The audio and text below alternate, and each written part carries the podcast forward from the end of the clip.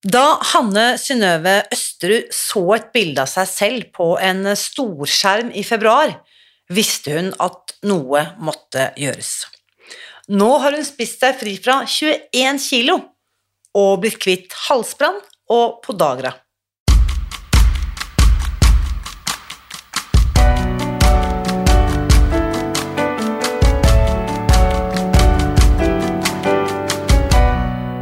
Mitt navn er Irina Lie. Jeg er journalist og forlegger, gründer og sosial entreprenør. I 2015 spiste jeg meg fri fra overvekt og fedme etter å ha slitt med vekt, kropp og følelser i nesten 30 år. Etter at jeg knakk koden, ga jeg meg selv et nytt oppdrag – å dele denne kunnskapen med alle som trenger det. I denne podkasten kan du derfor høre hele lydboken Spis deg fri. Den finner du ved å bla deg tilbake i arkivet og lytte til første sesong. Hver uke inviterer jeg nå gjester som gir deg påfyll til hodet, hjertet og magen. For min visjon er å endre Helse-Norge, og det får jeg ikke til alene. Du bidrar ved å abonnere på podkasten, skrive en omtale i iTunes og tipse meg om hvem jeg burde invitere hit. Da setter vi i gang med ukens episode. Siden du hører på denne podkasten, så vil jeg tippe at du har forsøkt å gå ned i vekt. Mer enn én gang, kanskje. Det har i hvert fall Hanne Synnøve erfaring med. Og hva som skjedde etter at hun begynte å spise seg fri i sommer, er nesten ikke til å tro. Her er ukens gjest. Kjære Hans Synnøve, velkommen Takk skal du ha, Irina. podkasten. Det var fantastisk hyggelig å ha deg her. Ja, det var hyggelig å treffe deg in real life. In real life. Nå sitter vi her på kontoret i podkaststudio i Bogstadveien. For de som bare hører, kan da se for seg et ja, hva skal vi kalle dette her, da? Et lite sjøgrønt, grått, blått rom med litt fake plants. Ja, Vi matcher ikke bare hverandre, vi matcher også rommet, ser Ja, det dette er jo dette meant to be. Ja. Um, og da er jo det store Altså, jeg kjenner jo ikke deg heller. Vi har jo eh, snakket sammen noen ganger på internettet, på Zoom-møter og sånne ting. Det skal vi komme litt tilbake til. Men fortell litt om deg selv, for de som ikke har rukket å bli kjent med deg ennå. ja, nei, jeg er eh, 53 år. Det ble jeg forrige uke, så jeg må jo si at jeg er 53 nå. Gratulerer. Takk, takk. Eh, Jeg er eh, mor til to gutter, og så har jeg en hund, og så bor jeg i Holmestrand. Ja. Så litt sånn, eh, og grunnen til at jeg også inviterte deg inn her, det er mange ting, vi har jo fått rukket å skravle litt før vi setter i gang opptaket her, men Ja. det er mange ting vi kunne ha snakket om, ja. fordi at du har jo også en veldig spennende faglig bakgrunn. Ja da, jeg er også avdelingsdirektør, som det heter så fint, eh, i Vestfoldmuseene. Så jeg har en eh, lang utdanning. Jeg er jo egentlig folklorist, som det heter, og det er det veldig få som vet hva er, for nå heter det kulturhistoriker. Det heter ikke folk bevisst lenger, men det er studie av immateriell kulturarv som jeg har vært spesielt opptatt av, og er fortsatt opptatt av det også. Og hva kan være en immateriell kulturarv, hvis man skulle ha på en måte kommet med noen eksempler på det? Mm, det er tradisjoner, det er skikker, det er uh, myter, eventyr, uh, men det er også verdier. Altså det som gjør at vi er uh, norske, eller er kvinner, eller altså har en identitet. Så veldig mye av det vi jobber med, handler om identitet. Yes. Ja. Og nå etter hvert så har vi også immateriell kulturarv på Unescos eh, liste. Så det er alt fra sånn meridianbue, eksempel. Det er på immateriell kulturarv. Vi har setesdalstradisjoner med både folkemusikk og dans er på Unescos liste over immateriell kulturarv.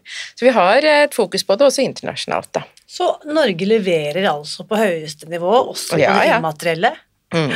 For det er veldig morsomt at du skulle nevne dette, for at jeg, jeg var på en spennende konferanse for noen år siden her i Oslo med deltakere fra hele verden.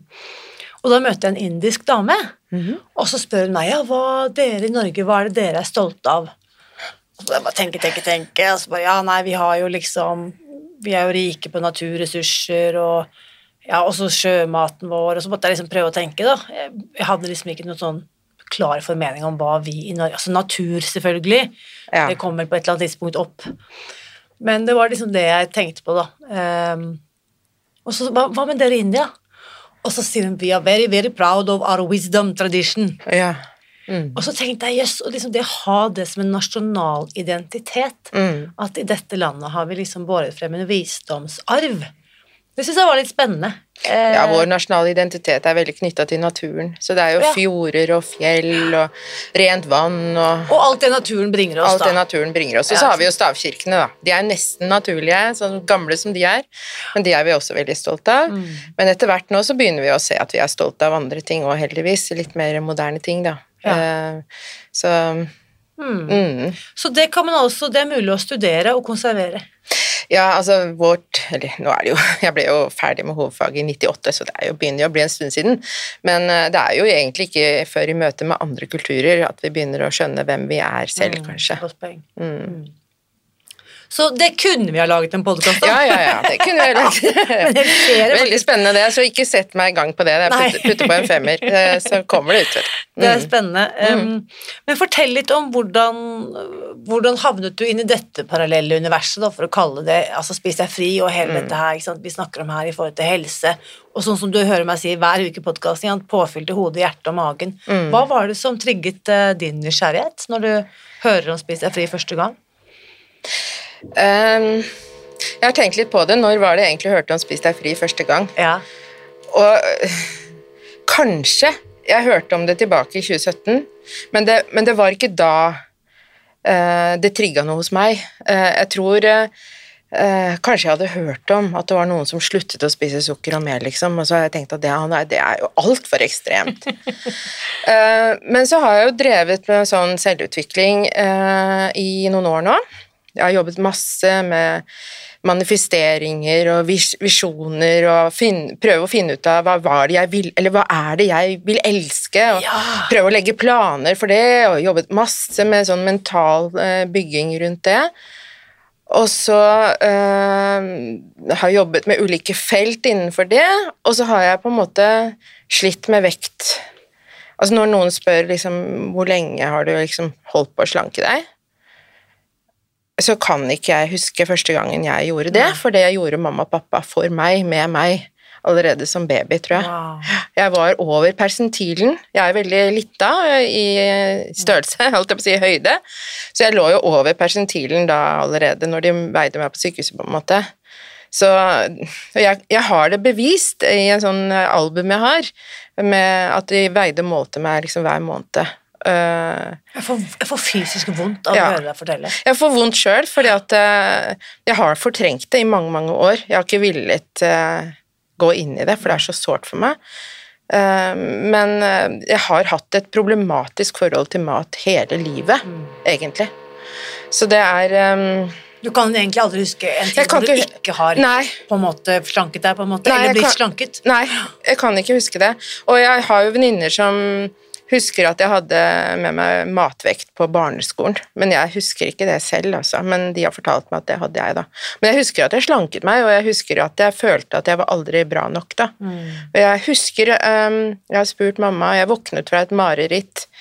Da var jeg tre og et halvt år, og jeg husker at jeg våknet uh, fra det marerittet da, så langt tilbake, fordi jeg husker hvor sofaen sto en da. Hvor jeg, de hadde da båret meg fra senga og ut i sofaen, hvor jeg da til slutt våknet, da, etter at de hadde rista meg ganske mye. Så det, det Og da, den sofaen sto en kort periode i 1974 akkurat under det vinduet. Ja. Så derfor så vet jeg at jeg var tre og et halvt år da hvor jeg våknet fra det, fra det marerittet, da. Og da handlet det marerittet om at jeg er ikke bra nok. Uansett hvor hardt jeg jobber, så er jeg ikke bra nok. Så den følelsen har jeg jobba masse med. Den derre eh, automatiske tanken som kommer da, hver gang jeg møter en eller annen motgang, at det, jeg jobber sikkert ikke hardt nok, jeg er ikke bra nok. Mm. Men eh, jeg, som sagt så har jeg jobba veldig mye med det de siste årene, og følt liksom at eh, Nei, nå har jeg kommet liksom der hvor jeg kan Jeg er bra nok, og jobba masse med det. Og så var jeg på en sånn event, selvutviklingsevent, da, Ja. i februar 22. Og da var det veldig hard jobbing, og hvor vi skulle på en måte grave skikkelig dypt i sjela og finne ut av hva er det jeg ville elske, liksom. Og, og, og da følte jeg at eh, jeg orker ikke å snakke om vekt på dette eventet. Jeg orker ikke å snakke om det, fordi det har jeg holdt på med i 50 år, og ja, i 2022 Jeg var 51 da. Jeg har holdt på med det hele livet, og nå må jeg bare akseptere at jeg er som jeg er. Eh, alle sier jo det. Ja, men du er jo fin nok, du er jo bra nok. Men jeg veide jo over 90 kilo, og jeg følte ikke at jeg er bra nok. Uh, jeg, liksom, men det var veldig hard jobbing, da. Tre dager i strek. Uh, og jeg fant ut at jeg skulle jobbe med kjærlighet uh, som tema, fordi jeg ønsker meg jo å finne en, en mann å dele livet med. Mm. Vært skilt nå i elleve år og tenkte at det skal jeg jobbe med, for det kan jeg håndtere, og det kan jeg på en måte si høyt at jeg ønsker meg. Um, og så på slutten av det eventet så uh, ble det vist bilder fra eventet, for noen hadde gått rundt og tatt bilder på det eventet. Ja. Og de bildene gikk i loop på storskjerm fem ganger i hvert fall, telte jeg. Og så var det da der et, et stort, selvfølgelig blir jo det på storskjerm, nærbilde av meg og jeg så den personen, og så, tenk, så fikk jeg en sånn utenfra-følelse at det er ikke meg, det som er på det bildet. Mm. Samtidig som jeg skamma meg for, forferdelig over hvordan jeg så ut. Um, og jeg, jeg, ja, jeg var sikkert litt frynsete òg etter å ha jobba så hardt med, Sårbar, med manifestering og, og sånn. Ja. ja. åpnet opp veldig fra innerst i sjela, liksom. Og så, og så kommer det bildet, og jeg fikk en sånn Jeg bare begynte å gråte. Jeg måtte bare komme meg ut på do så fort jeg kunne. og og gråte, da. Så, så gikk jeg og ba da, dette unge mennesket som hadde tatt dette bildet, om å være så snill å fjerne det da fra den loopen, for jeg ville ikke være med i en sånn Se så morsomt vi hadde det her, for det, det følte ikke jeg da. Det var veldig sårende for meg. Mm. Og, jeg, og, hun sa bare sånn Ja, men jeg syns du ser fin ut, jeg, sa hun. mm. Men da var det den selvkritiske biten av meg da som fikk altfor stort rom, og etter det så begynte jeg jo å søke og jeg, jeg, bare tok med noe i dag, for jeg tenkte at jeg skulle lese hva jeg hadde på det eventet skrevet ja, om helse. Fordi jeg, hadde, jeg valgte jo ikke å jobbe med helse. Men jeg har jo tydeligvis skrevet om, om helse her. Det, sni, det, viktigste sniker seg inn uansett. Ja. Og vet du hva jeg skrev da, Irina? Ja, Få høre her nå. Dette er februar 2022. Ja. Men jeg eh, tenker meg da fram til 2025. Fordi ja. man skulle tenke seg tre år fram i tid, ja. og så skal man formulere seg som om Sånn er det. Som om det er liksom present som, reality. present reality. Ja. Jeg skal møte deg, som jeg ikke har sett på tre år, og så skal jeg fortelle deg eller, Hva som har skjedd disse tre årene. Hva? Så skal jeg fortelle deg det. Som om det er virkelig. Jeg elsker disse øvelsene. Ja, ja. Dette, er typisk et event jeg også kunne ha deltatt på. Fantastisk. Og da sier jeg til deg, når jeg treffer deg da Februar på gata, 2025. så sier jeg jeg er så glad og takknemlig nå som uh, jeg uh, Nå som uh, Skal vi se, det var feil, jeg var på arbeid. Skal vi se, jeg må se bare på helse. Samme innledning, da. jeg er så glad og takknemlig. Nå som jeg har funnet oppskriften som fungerer for meg i forhold til hva jeg skal spise og drikke for at kroppen min skal ha det best mulig. Jeg er lett i kroppen, overgangsalderplagene er over, og jeg har blitt glad i kroppen min og alt det den kan gjøre. Det skrev jeg da i februar 2022. Over 90 kilo og på egentlig et low point. Low point. Men det tok meg da et år før jeg fant omtrent eller ja, mer enn et år før jeg fant fram til Spis deg fri. For da prøvde jeg alt mulig annet, da. Jeg har jo et langt, langt, langt liv i slanke... du har hovedfag i slanking òg? Hovedfag i slanking. Hva jeg ikke har gjort Jeg har ikke tatt slankeoperasjon men jeg har vurdert det. Men jeg har prøvd alt annet, tror jeg. Rakk du slankesprøyten, eller? Nei, nei, det har jeg ikke prøvd. Nei, for Hadde nei. dette vært 2024, ja, så hadde du rukket det òg. Men jeg hadde jo en lege som jeg gikk til, og han, han skal få Når jeg går, går, til han neste gang, så skal han få navnet ditt og, og spise deg fri. Uh, muligheten til å bestille disse. For han er jo en lege som Jeg er glad i han, altså, men han er kommunelege 1 og allmennlege, og, og han skjønner nok ikke helt det problemstillingen, for å si det sånn. Mm. Det er den der oppskriften med 'spis mindre, tren mer', eh, som du får hver gang. Og jeg får en følelse av at eh, herregud, kan du ikke bare ta det sammen? Kan du ikke bare men Ikke sant? Det, men det jeg har lyst til å si til den legen neste gang, er sånn Kan ikke du ta deg sammen? ja. For dette har du sagt til dine pasienter i 62 år. Ja. Doktor Med. Ja. Har det gitt resultater? Mm. Nei. Nei. Kanskje du skal begynne å gi andre råd? Og jeg har til og med bedt om hjelp, ikke sant, og så får jeg jo ikke hjelp. Eh, men kanskje til hans, eh, hva skal jeg si, hans um, forsvar, da så klarte jeg etter skilsmissen å gå ned eh, til 66 kilo. Og da innvilga han da eh, eh, operasjoner for meg, både brystreduksjon og, og mageplastikk. Så det har jeg fått på en måte av han, da.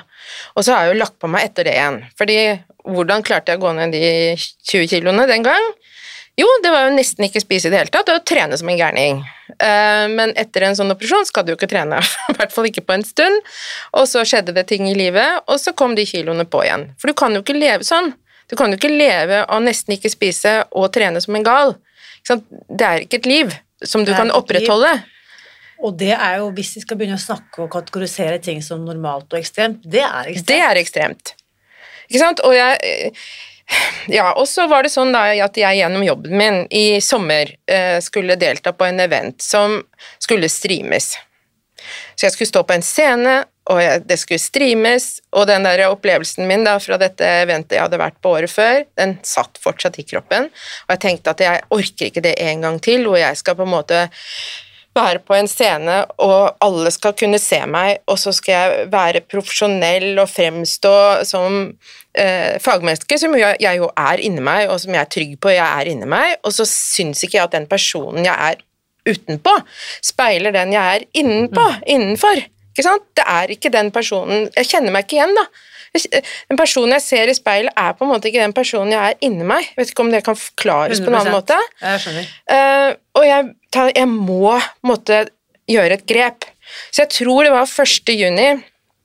Da var det omtrent 18 dager igjen til eventet. Jeg hadde selvfølgelig prøvd alt annet før det òg, men som ikke funka, og jeg tenker liksom, hva, hva gjør jeg?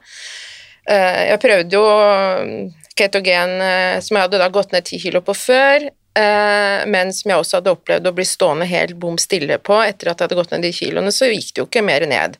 Og det å ikke spise grønnsaker eller frukt eller noen ting fordi du er, skal være i ketose, da, som det heter, altså bare forbrenne fett, det er jo ikke forenlig med et liv som, som mor til noen som skal ha altså, det, Da må vi lage så mange ekstra middager, og det, det er jo ikke sunt heller eh, det, for kroppen. Så, og i tillegg så Eh, hadde jeg den gang, i hvert fall, kan jeg si.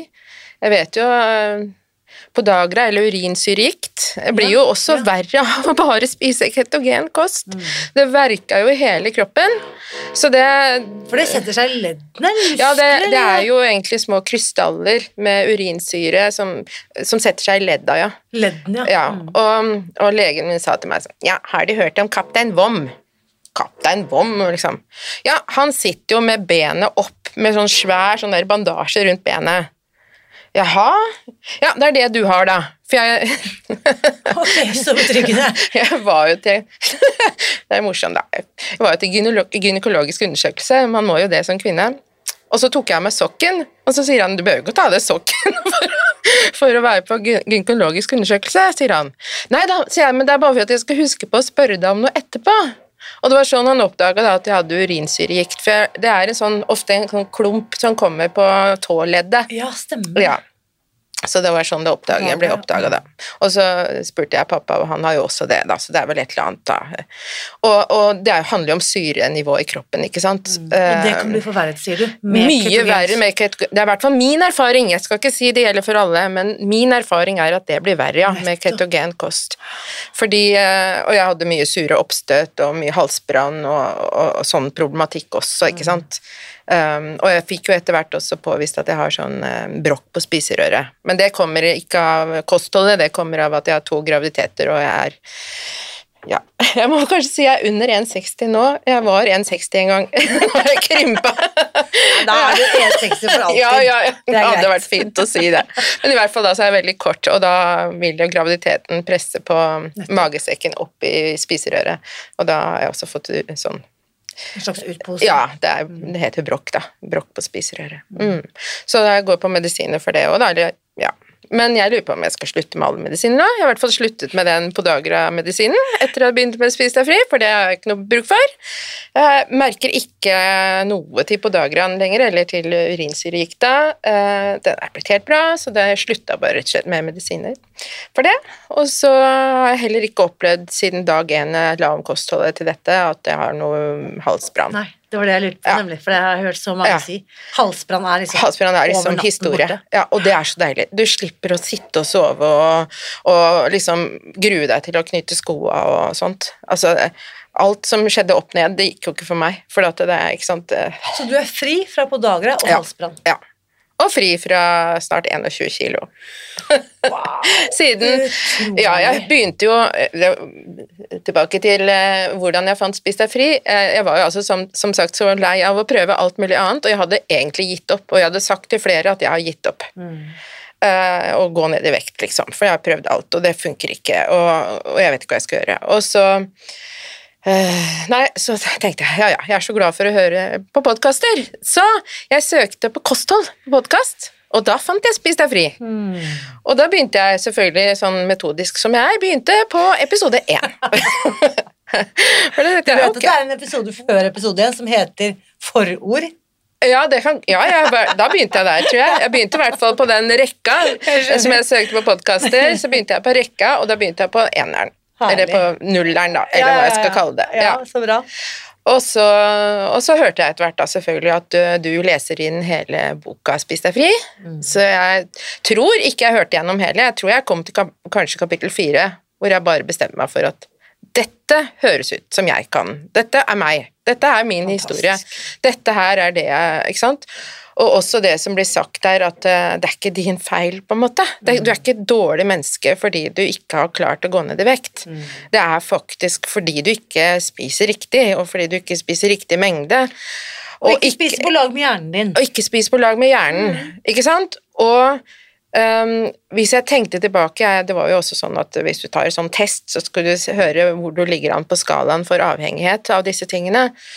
Og hvis jeg gikk tilbake til uh, ungdomstida, verste perioden av De livet, Verste tre månedene, sier du ja, vel. ja. Jeg hadde jo um, Jeg ble jo behandla på Rikshospitalet på begynnelsen av 20-åra mine for uh, bulimi, som det het den gang, da. Mm. Uh, nå har jeg jo skjønt at etter hvert så er det, burde være en diagnose som heter overspising, ikke Mm. bare bulimi. Men jeg hadde jo det òg. Altså, jeg spiste for mye, og jeg kasta det opp. Og, Mm. Og jeg holdt på med det i fem års tid, fra jeg var 16, tror jeg, til jeg var 21 cirka, sånn fysisk. Og da var det Jeg ble sendt på Rikshospitalet, eh, men eh, han som jeg hadde da, var like ved pensjonsalder, og han gikk jo av mens han såkalt behandla meg. Han satte meg på noen piller og satte meg på diett, og det var jo akkurat det samme som å gå til fastlegen. Altså, det er akkurat samme oppskrift. Spis mindre, tren mer. Skulle veie meg hver gang jeg kom. Ikke sant? Akkurat det du ikke skal gjøre.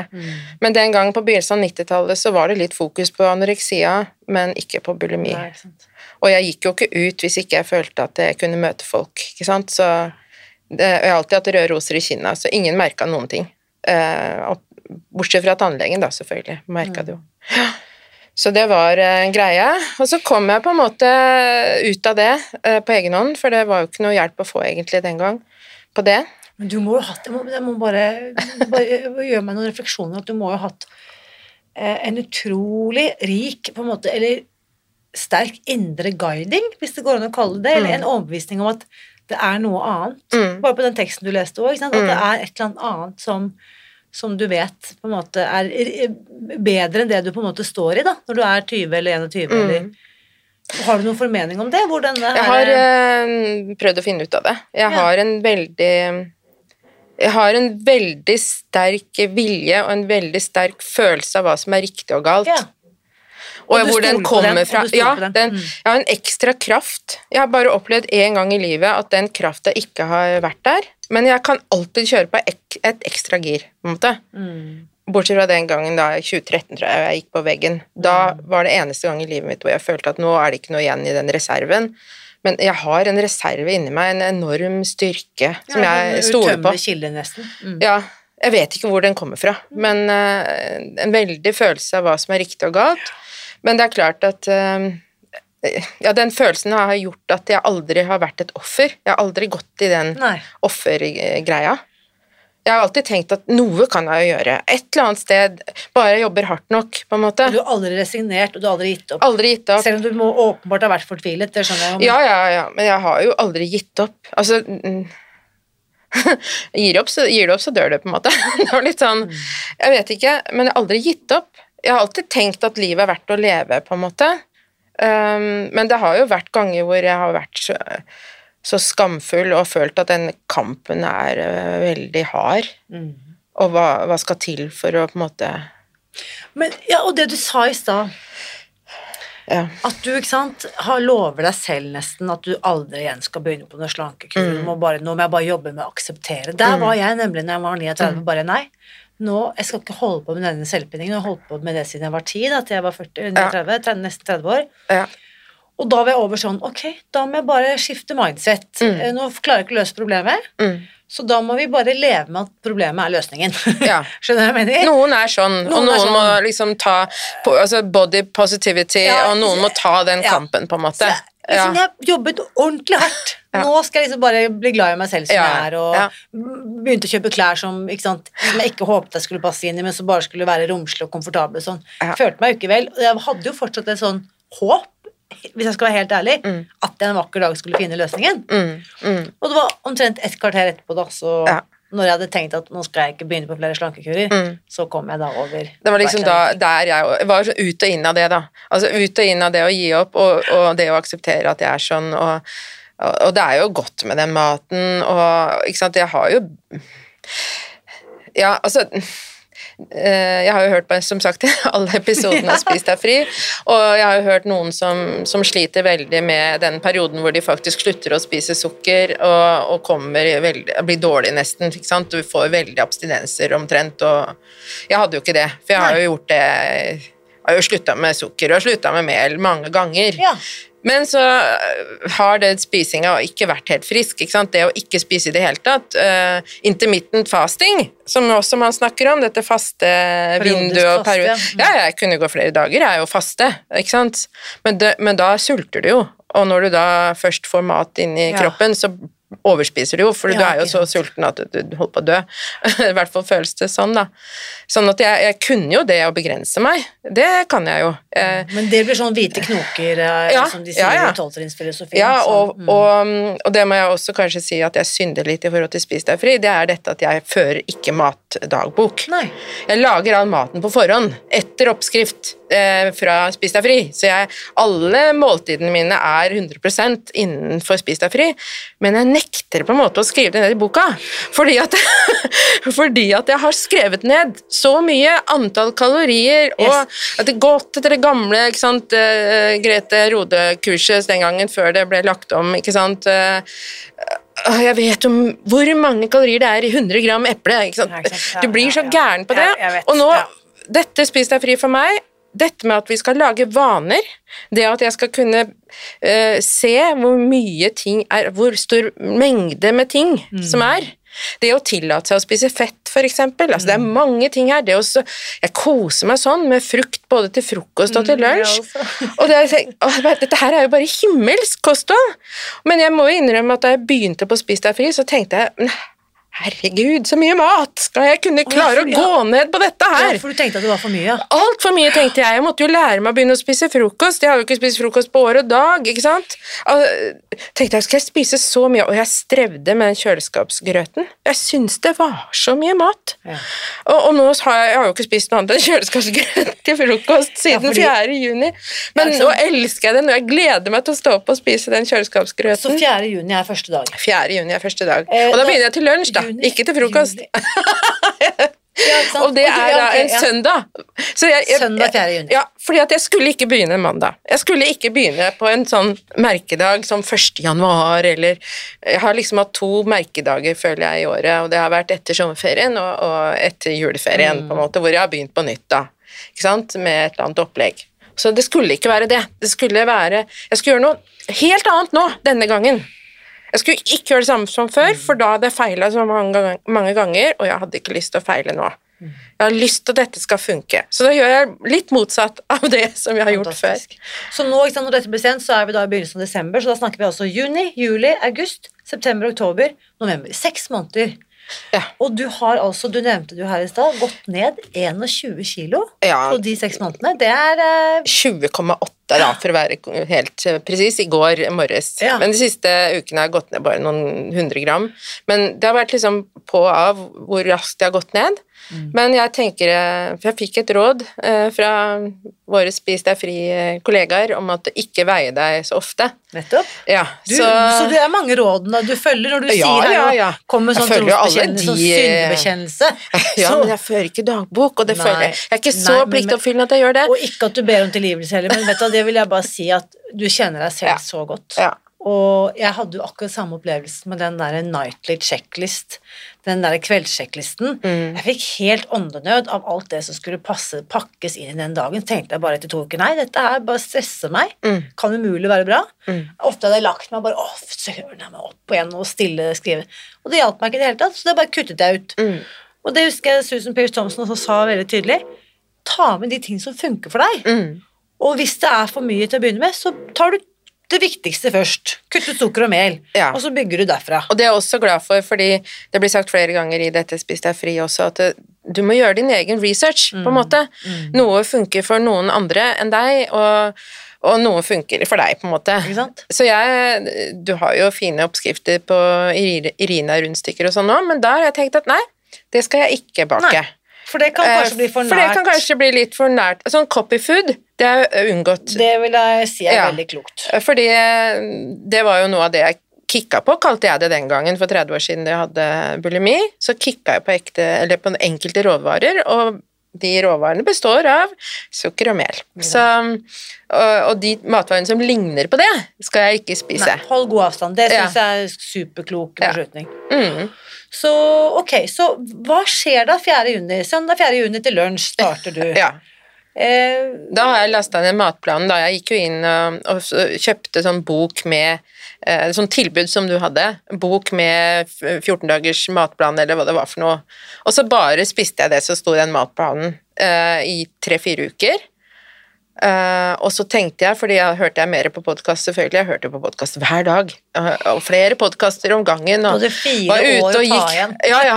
Gikk rundt i skogen, og jeg hørte på podkast, jeg hørte på podkast i bilen, jeg hørte på podkaster, jeg slukte podkaster. Eh, og, så, og så hørte jeg blant annet at det lønner seg da å, å ha noen buddies, og det lønner seg å ha noen For det sa flere av de som du hadde intervjua da, på podkasten, at ja, hadde ikke vært for min buddy, hadde ikke vært for min mastermind-gruppe og så, ja, ja, ja, jeg får jo melde meg på dette grunnkurset, da. så da gjorde jeg det. Og så, og så var det midt på sommeren, og det tok litt tid før jeg fikk svar. for Det var sikkert noe ferieavvikling hos Ja. dere. Og jeg ble sånn desperat, for jeg var jo så motivert. Og jeg bare sånn Er det ingen som kan svare meg, da? Hvorfor kommer jeg ikke inn på dette? Og ja, men jeg vil inn i Facebook-gruppa! Og jeg, var litt sånn desperat, og så kom jeg da inn i dette etter hvert. Og så da var det typ sommeravvikling. Eh, for det var jo noen møter, og jeg deltok jo på de møtene, men på ett møte så deltok jeg bare med de som jeg har skjønt har gått på den eh, skolen din. Oh, ja, ja. hvor det var et var møte deg, hvor bare jeg og alle de andre gikk jo på den skolen, men det visste jo ikke jeg da, ikke sant? Så da brukte de meg sikkert som Ja, men er det bare jeg som skal fortelle, da? Skal ikke noen av de andre på dette Zoom-møtet fortelle, da? Og så tenkte jeg jeg skal da ikke ta så mye plass, Altså. Ja, det var liksom litt rar eh, stemning. Og så etter hvert så kom det da en rekke andre som begynte på kurs da en måned senere, så da slang jeg meg med dem. Og så hadde jo jeg sikkert gått ti uker da, som jeg skulle gå, pluss litt ekstra, og så ble jeg kasta ut da, av, av fristed da, som var dette grunnkursstedet vårt. Og så, å, hva gjør jeg nå? Helt desperat. Og jeg husker jeg hadde jo fått en mail om at det ja, er mulig å melde seg inn i friere. Så, jeg får melde meg inn frie. Å, gud, ok. Jeg ble, jeg ble sånn helt panikk, da. så, øh, fordi det er jo noe med dette fellesskapet, da. Selv om man kan også velge å være alene i det, på en måte, og bare observere. Men så har jeg da, etter inspirasjon fra podkasten, bestemt meg for at jeg skal delta aktivt. Fordi Yes, da forplikter jeg meg på en måte øh, til alle de andre som er der, så ser de hva jeg skriver, og da kan jeg jo ikke skli ut, for da må jeg jo Fordi at jeg skal jo Altså, altså jeg er med Jeg legger sånne liksom feller da, for sabotøren min, sånn at jeg ikke ødelegger for meg sjøl. Ja, og ikke bare det. Det, det er en måte selvfølgelig å se det på, men en annen ting er at du legger grunnmuren for en veldig altså, et solid fundament da, for din egen suksess. Mm. Og det skriver jo Susan Pierce Thompson om i boken også, at forskningen viser at forpliktelse altså Det er et av de mest Ja. effektive verktøyene. Ja. For jeg kan si til meg selv ja, på mandag skal jeg begynne. Mm. Hvor mange ganger har Irina sviktet Irina? Mm. Jo, jeg har ikke nok fingre eller tær Mm. ikke sant, til å Mm. telle opp. Mm. Men hvis jeg sier til deg, Mm. et annet menneske liksom, Vet du hva, Hans Nyve, nå lover jeg, på Mm. mandag så skal Mm. jeg sjekke inn, så skal jeg sende deg en melding etter at jeg har spist frokosten min. Mm. Jeg har mye høyere terskel for å svikte deg, til og med en fremmed, Mm. enn å svikte meg selv. Mm.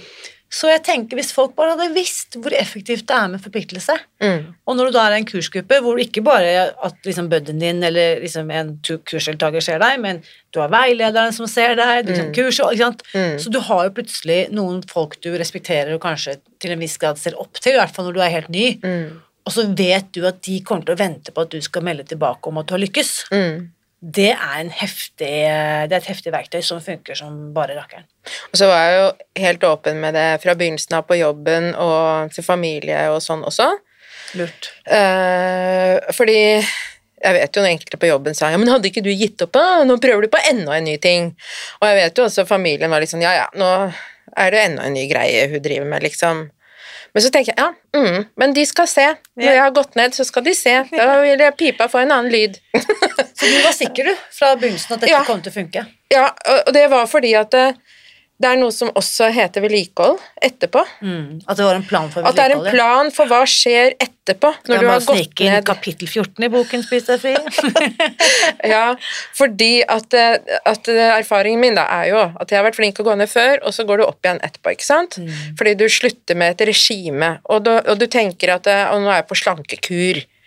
Men dette er ikke en slankekur. Dette er en livsstilsendring. Mm. Og jeg har tenkt å leve sånn, ikke sant?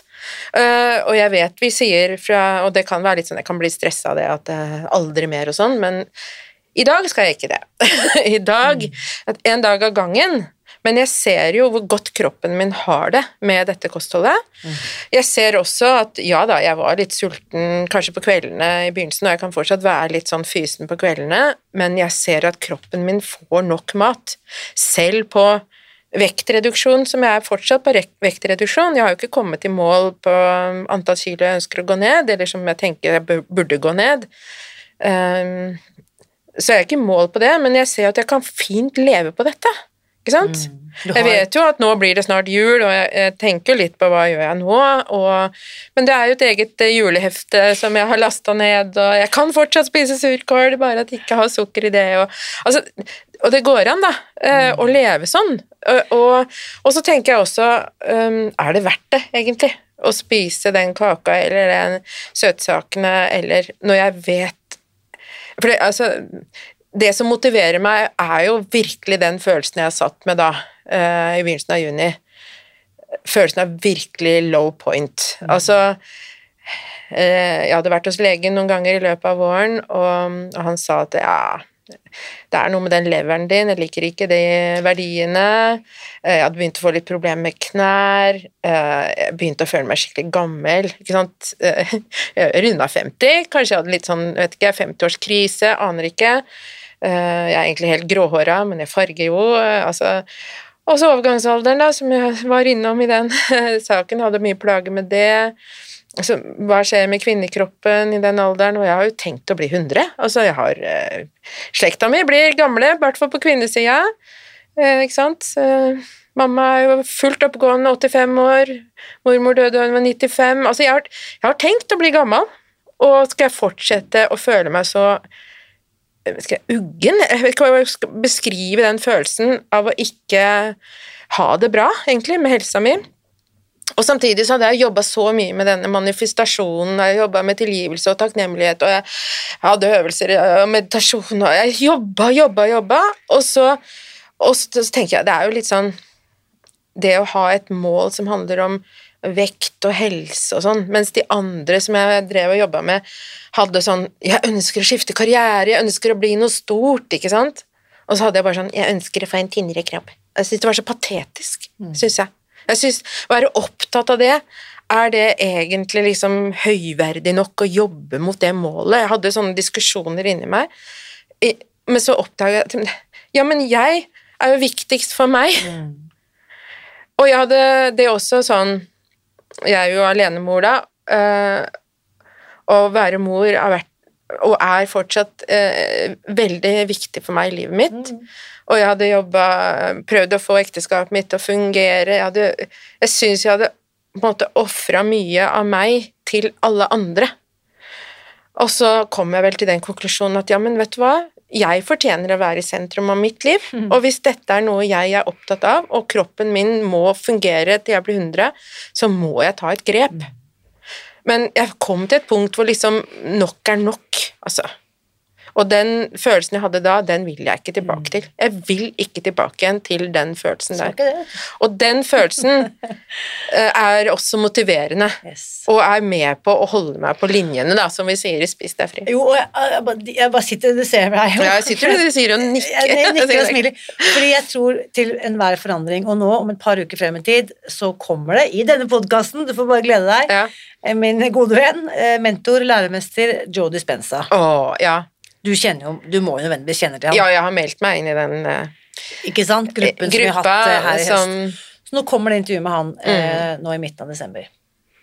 Og det han skriver om i boken eh, Bryt banen med å være deg selv, som kommer nå på Ja. norsk hvert øyeblikk. Mhm. Det er jo at de fleste av oss venter på den eksterne, det, det traumet, den ulykken, dødsfallet, sykdommen, for å bli motivert til å endre oss. At vi trenger det, at du brenner på dass, da, som vi sier. Ikke? Mm.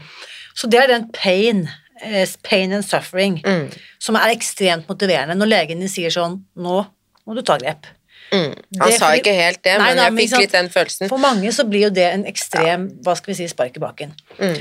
Og så spør dr. Joe i boken, litt retorisk selvfølgelig, hva hvis vi forestiller oss at vi kan skape det nye livet i en state of joy and inspiration? Mm. At vi trenger ikke å vente på det ubehaget, den smerten, det dødsfallet, em, for å bli motivert til å endre oss, men vi kan faktisk gjøre det selv om vi har det bra, og så bare tenke 'jeg skal ha det enda bedre'. Mm. Og det syns jeg er så motiverende å høre, fordi at det, nå er jeg blitt 47. Mm. Jeg er i mitt livs helse, aldri følt meg bedre, har aldri vært sterkere, aldri løpt fort. ikke sant, sånn, sånn og sånn. Mm.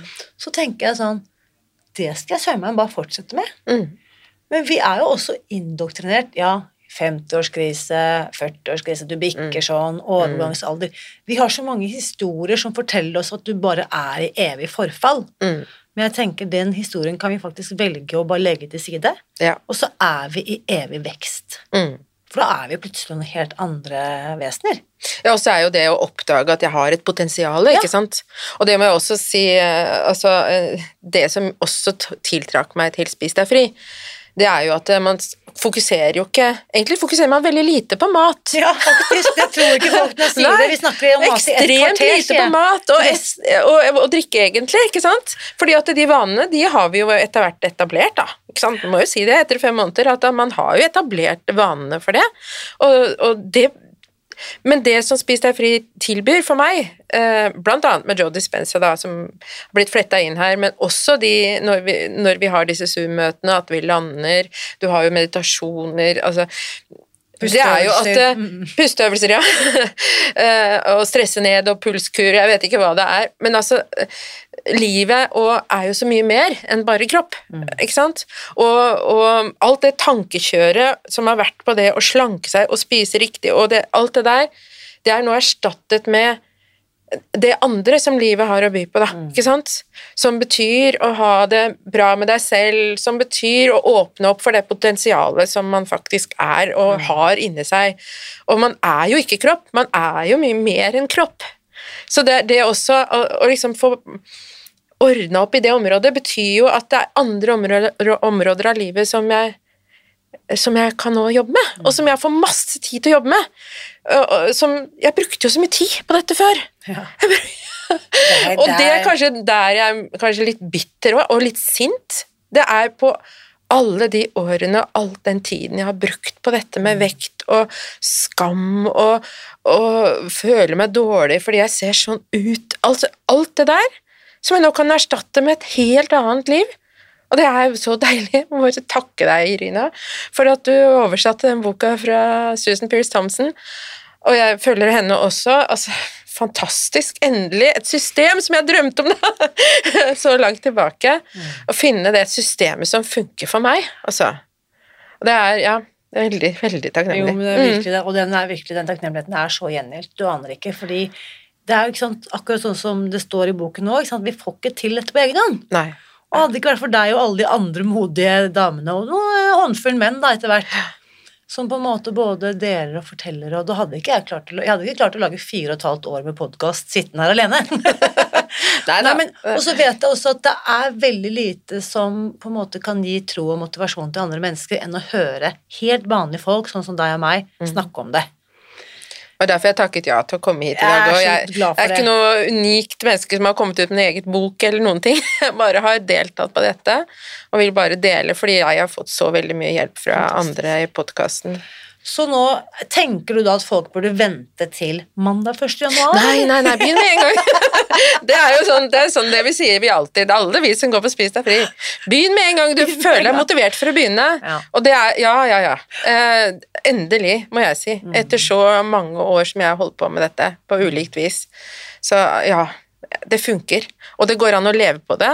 Og det er også det for meg gjør at når jeg da har gått ned de kiloene jeg ønsker å gå ned, at det faktisk er noe som heter vedlikehold, som er faktisk sånn at du kan øke mat matinntaket uten å legge på deg.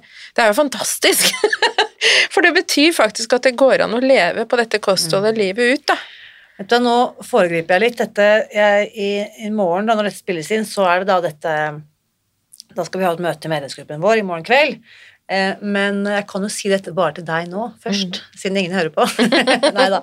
Jeg har, en, eh, jeg har en bonus til dere Ja, i jeg medlemsgruppen. hadde tenkt å være med i morgen. Ja, eh, da skal du få høre mer om dette, men jeg kan eh, avsløre det litt likevel, fordi at jeg har tenkt som så at i denne mørketiden Mm.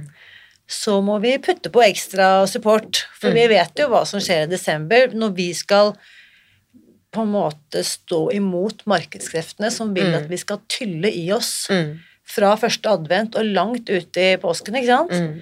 Så det kommer altså en eh, spesialopprettet eh, Jeg måtte bare notere meg det her i stad, for at dette tenkte dette må jeg huske å si til deg. Ja. Eh, som jeg rett og slett har valgt å kalle Startskudd ja. 2024. Mm. Som er en sånn supersupport-gruppe.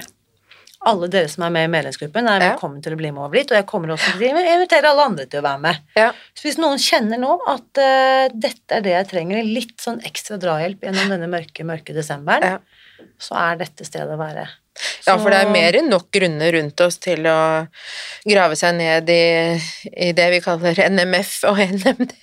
altså not my food and not my drink. Det er eh, Ja, jeg har jo også måttet innse det at jeg har nok også vært en følelsesspiser, ja. At jeg har spist når jeg har vært nedfor, jeg har vært ensom og har latt den sukkertåka legge seg over, eh, for da slipper jeg å føle så mye. Det er også noe med Det er også noe Derfor det er viktig at det det erstattes med noe, da, alle det tankekjøret som man da har. Fordi, ja At man kan grave seg ned, da, i mm, Og i hvert fall for min egen del så må jeg bare legge til at det er veldig lite som trigger så mye følelser, eh, emosjoner av alle slag, som jul og høytid. mm. Den er en spesielt, hva skal vi si, eh, emosjonelt høytid. Ja, og Enten- som du sier også, det er jo en høytid Det egentlig gjelder alle høytider, og det gjelder bursdager og alt. Altså, kos er lik Kos er det vi ikke skal spise og drikke. Ja, også det også at vi på den tiden av året kanskje må konfronteres med en del familiemedlemmer eller slektninger eller Ja. tradisjoner eller vaner som jeg nå ønsker å kanskje holde litt mer armlengdes avstand til. Mm, mm. Men det er enkelte tider på året hvor vi på en måte ikke kommer unna. Mm. Og om vi selv fysisk holder oss unna, så blir vi påminnet det gjennom hele dette offentlige narrativet? Mm. om at dette er familiehøytid og bla, bla, bla, bla, bla. Så da tenker jeg Og jeg husker spesielt godt tilbake til min første jul også, med, med rene Mm. linjer, eller Spis deg fri, da. Da var det veldig bra å ha litt ekstra support. Så det kommer din vei! Mm. Yes! ja, men det er fint. Ikke sant? Ja. Og trenger man det ikke, så er det jo bare superbra. Så Ja. bare vet man at man i hvert fall har en sånn slags backup-plan. Ja. Men jeg tenker at det er det viktigste vi gjør. Eh, rett og slett for vår egen del. Og Ja. ja, altså, sånn som vi Og vi sier kan jo spise det meste av julemat. Vi kan spise det meste ja, av julemat. Og jeg spiser pinnekjøtt, jeg spiser ribbe, ja. surkål, Ja. medisterpølse. Ja, Så og masse det- deilige grønnsaker, og når jeg Mm. opp, oppdaget at vi kan spise surkål, så ble jeg glad. Så det er litt sånn, eh, ja. Eh, nei, det er eh, Vi kan jo det. Vi kan kose oss skikkelig vi i Yes. jula. Det er bare ikke med så voldsomme mengder, og ikke, ikke med alt det godiset ved siden av. Jeg har til og med Det var vel senest i fjor at jeg spiste risgrøt. Ja, ja. Ja, for du kan jo spise tillegg nå, du, så da er det jo også ja. korn, da, som vi kan Du kan jo spise korn. Du kan jo spise risgrøt til Ja, ja. frokost første juledag, for eksempel. Ja, ja, ja. Så her er det muligheter. Ja, ja, ja. Eh, til de som da hører dette, og det er en eh, mørk og hustrig desemberdag. Eh, hva tenker du, hva vil være ditt beste tips, Hans Hanne Snøve? Bortsett fra å starte med en gang. Ja, hva skal vi si, da? Eh, tenk på at det går an å kose seg med hverandre, og ikke, at ikke mat og drikke er nødvendigvis det du tenker på først og fremst når det er kos. Det fins andre måter å kose seg på. Det fins mange juletradisjoner. Jeg kom, Dette kan jeg jo masse om, juletradisjoner. Ja, det fins jo masse juletradisjoner som ikke innebærer mat og drikke, som går an å gjøre sammen i jula. Masse julepyntlaging, det er masse Man kan gjøre masse ting eh, sammen, og heller Masse ha fokus på mange altså. opplevelser. Dra på konserter. Ja, det tenkte jeg også på. Konserter og, og det er, Jeg jobber i museumsbransjen, så det er masse julemarkeder rundt omkring på museene, for eksempel. Eh, Det er masse ting å gjøre som ikke handler om det, men som handler om å være sammen og være glad i hverandre og, og løfte hverandre opp nå i, i jula. Det er det noe vi trenger i disse tider. Jeg vet ikke du hører så mye på nyheter, men det er ikke så veldig bra i verden akkurat nå. Så det å kunne gjøre hyggelige ting sammen, vise hverandre hvor glad vi er i hverandre egentlig, det tror jeg er kanskje noe av det viktigste vi kan gjøre i jula.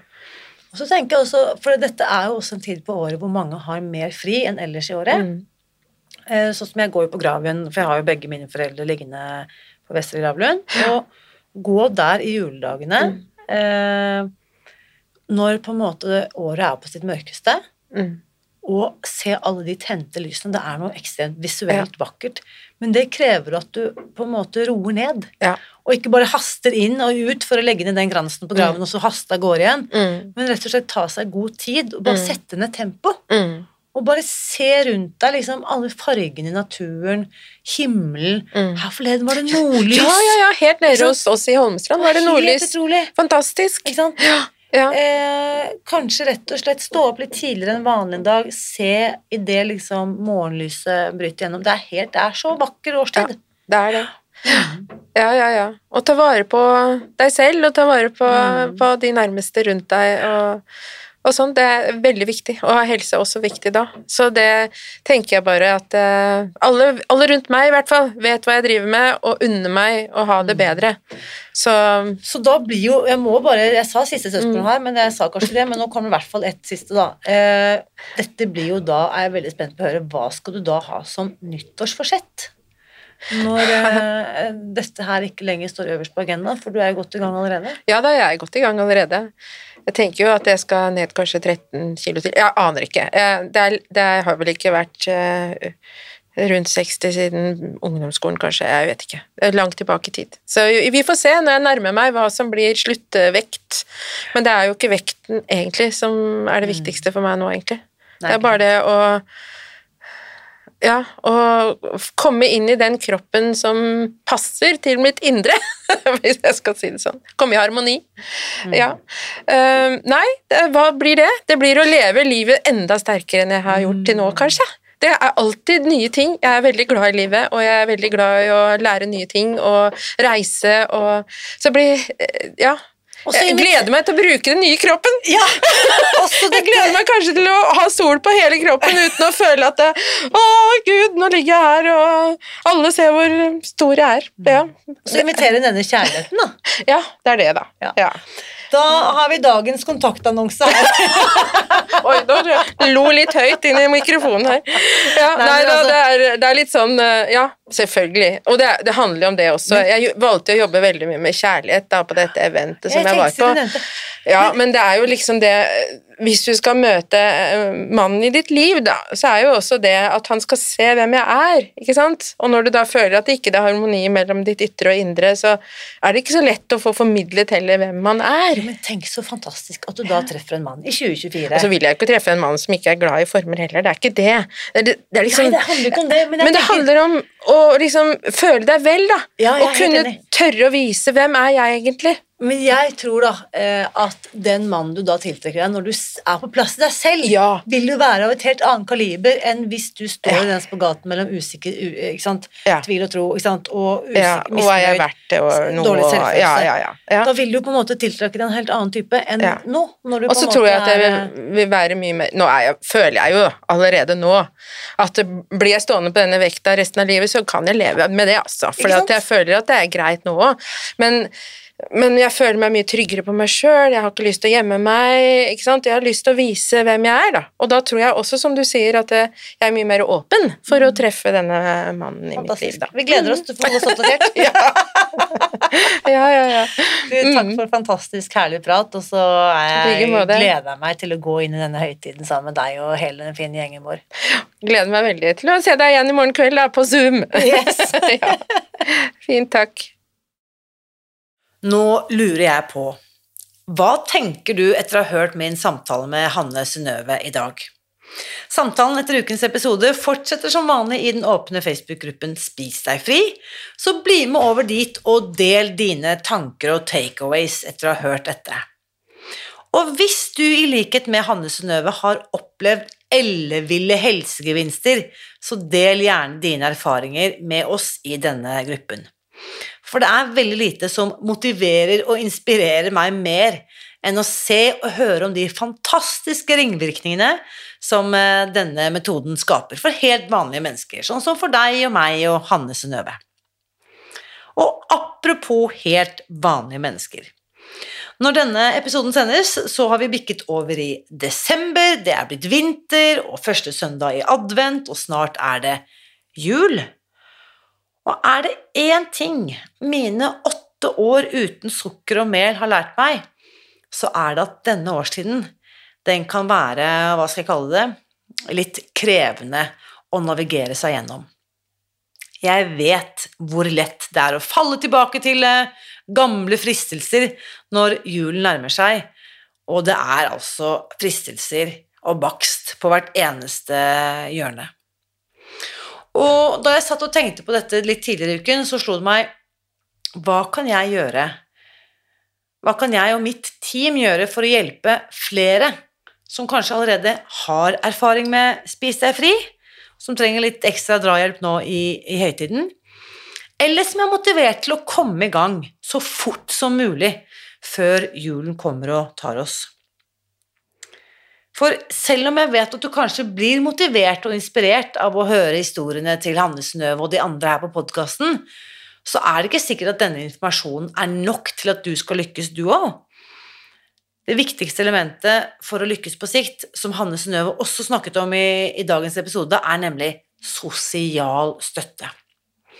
Så derfor har jeg nå i desember opprettet Facebook-gruppen Startskudd 2024, hvor jeg hjelper deg med å komme i gang nå, før 2024 står for døren. Å være med i denne gruppen det koster 400 kroner, det er et engangsbeløp, og du kan melde deg inn ved å gå til spisdegfri.no startskudd. Umiddelbart etter din påmelding får du da tilgang til matplanen vår, som viser deg hva du kan spise for å gå ned i vekt, og hva du kan spise senere når du ønsker å holde vekten. I tillegg får du altså tilgang på denne lukkede Facebook-gruppen Startskudd 2024, hvor du møter meg og hele teamet mitt. Ikke nok med det, i, gjennom hele desember og frem til faktisk midten av januar så kommer vi til å invitere deg til å bli med på ukentlige livemøter i Zoom, hvor du får svar på dine spørsmål når du deltar i denne gruppen. Og disse Zoom-møtene, de såkalte live-møtene i Zoom, det er en tjeneste som vi frem til nå kun har tilbudt eh, våre kursdeltakere. Så dette er en unik sjanse, noe vi ikke har testet tidligere. Så nå gir vi deg altså muligheten til å oppleve det samme for nettopp å kunne gi deg best mulig hjelp og støtte gjennom uh, høytiden. Det koster bare 400 kroner å være med, og må, denne gruppen er åpen frem til midten av januar 2024. Og etter det så beholder du også tilgangen på gruppen, selv om den da blir arkivert. Men uansett, du melder deg på nå ved å gå til spisdegfri.no startskudd. Og hvis du begynner å regne på det, så er det ikke veldig mange julefristelser du trenger å takke nei til før du har spart inn dette beløpet. Så dette tenker jeg er helt klart den beste investeringen du kan gjøre akkurat nå for å gi deg selv en optimal start på det nye året. Det er ikke lenge siden jeg leste at eh, de som begynner på ny slankekur i januar, kan ha lagt på seg så mye som fem kilo i løpet av eh, julemåneden. Og med tanke på mine 30 år som jojo-slanker, så er vel ikke det helt utenkelig at jeg også har lagt på meg mange av mine kilo nettopp i desember. Så tenk så deilig det hadde vært å avslutte året med å gå ned fem kilo i stedet for å gå opp. Det tenker jeg at jeg kan være en bedre helsegevinst. Så mitt beste tips til deg akkurat eh, nå er dropp de der julekiloene i år og legg heller grunnlaget for et nytt og lettere liv i 2024 ved å starte nå. Startskuddet, det, ja, det gikk det nå på fredag 1. desember. Og det er på ingen måte for sent å være med. Du kan melde deg inn når du vil. Eh, du gjør i hvert fall det ved å gå til spisdegfri.no startskudd. Husk også, uansett hva du velger å bruke pengene på nå i desember, så vit at jeg heier på deg. Alltid.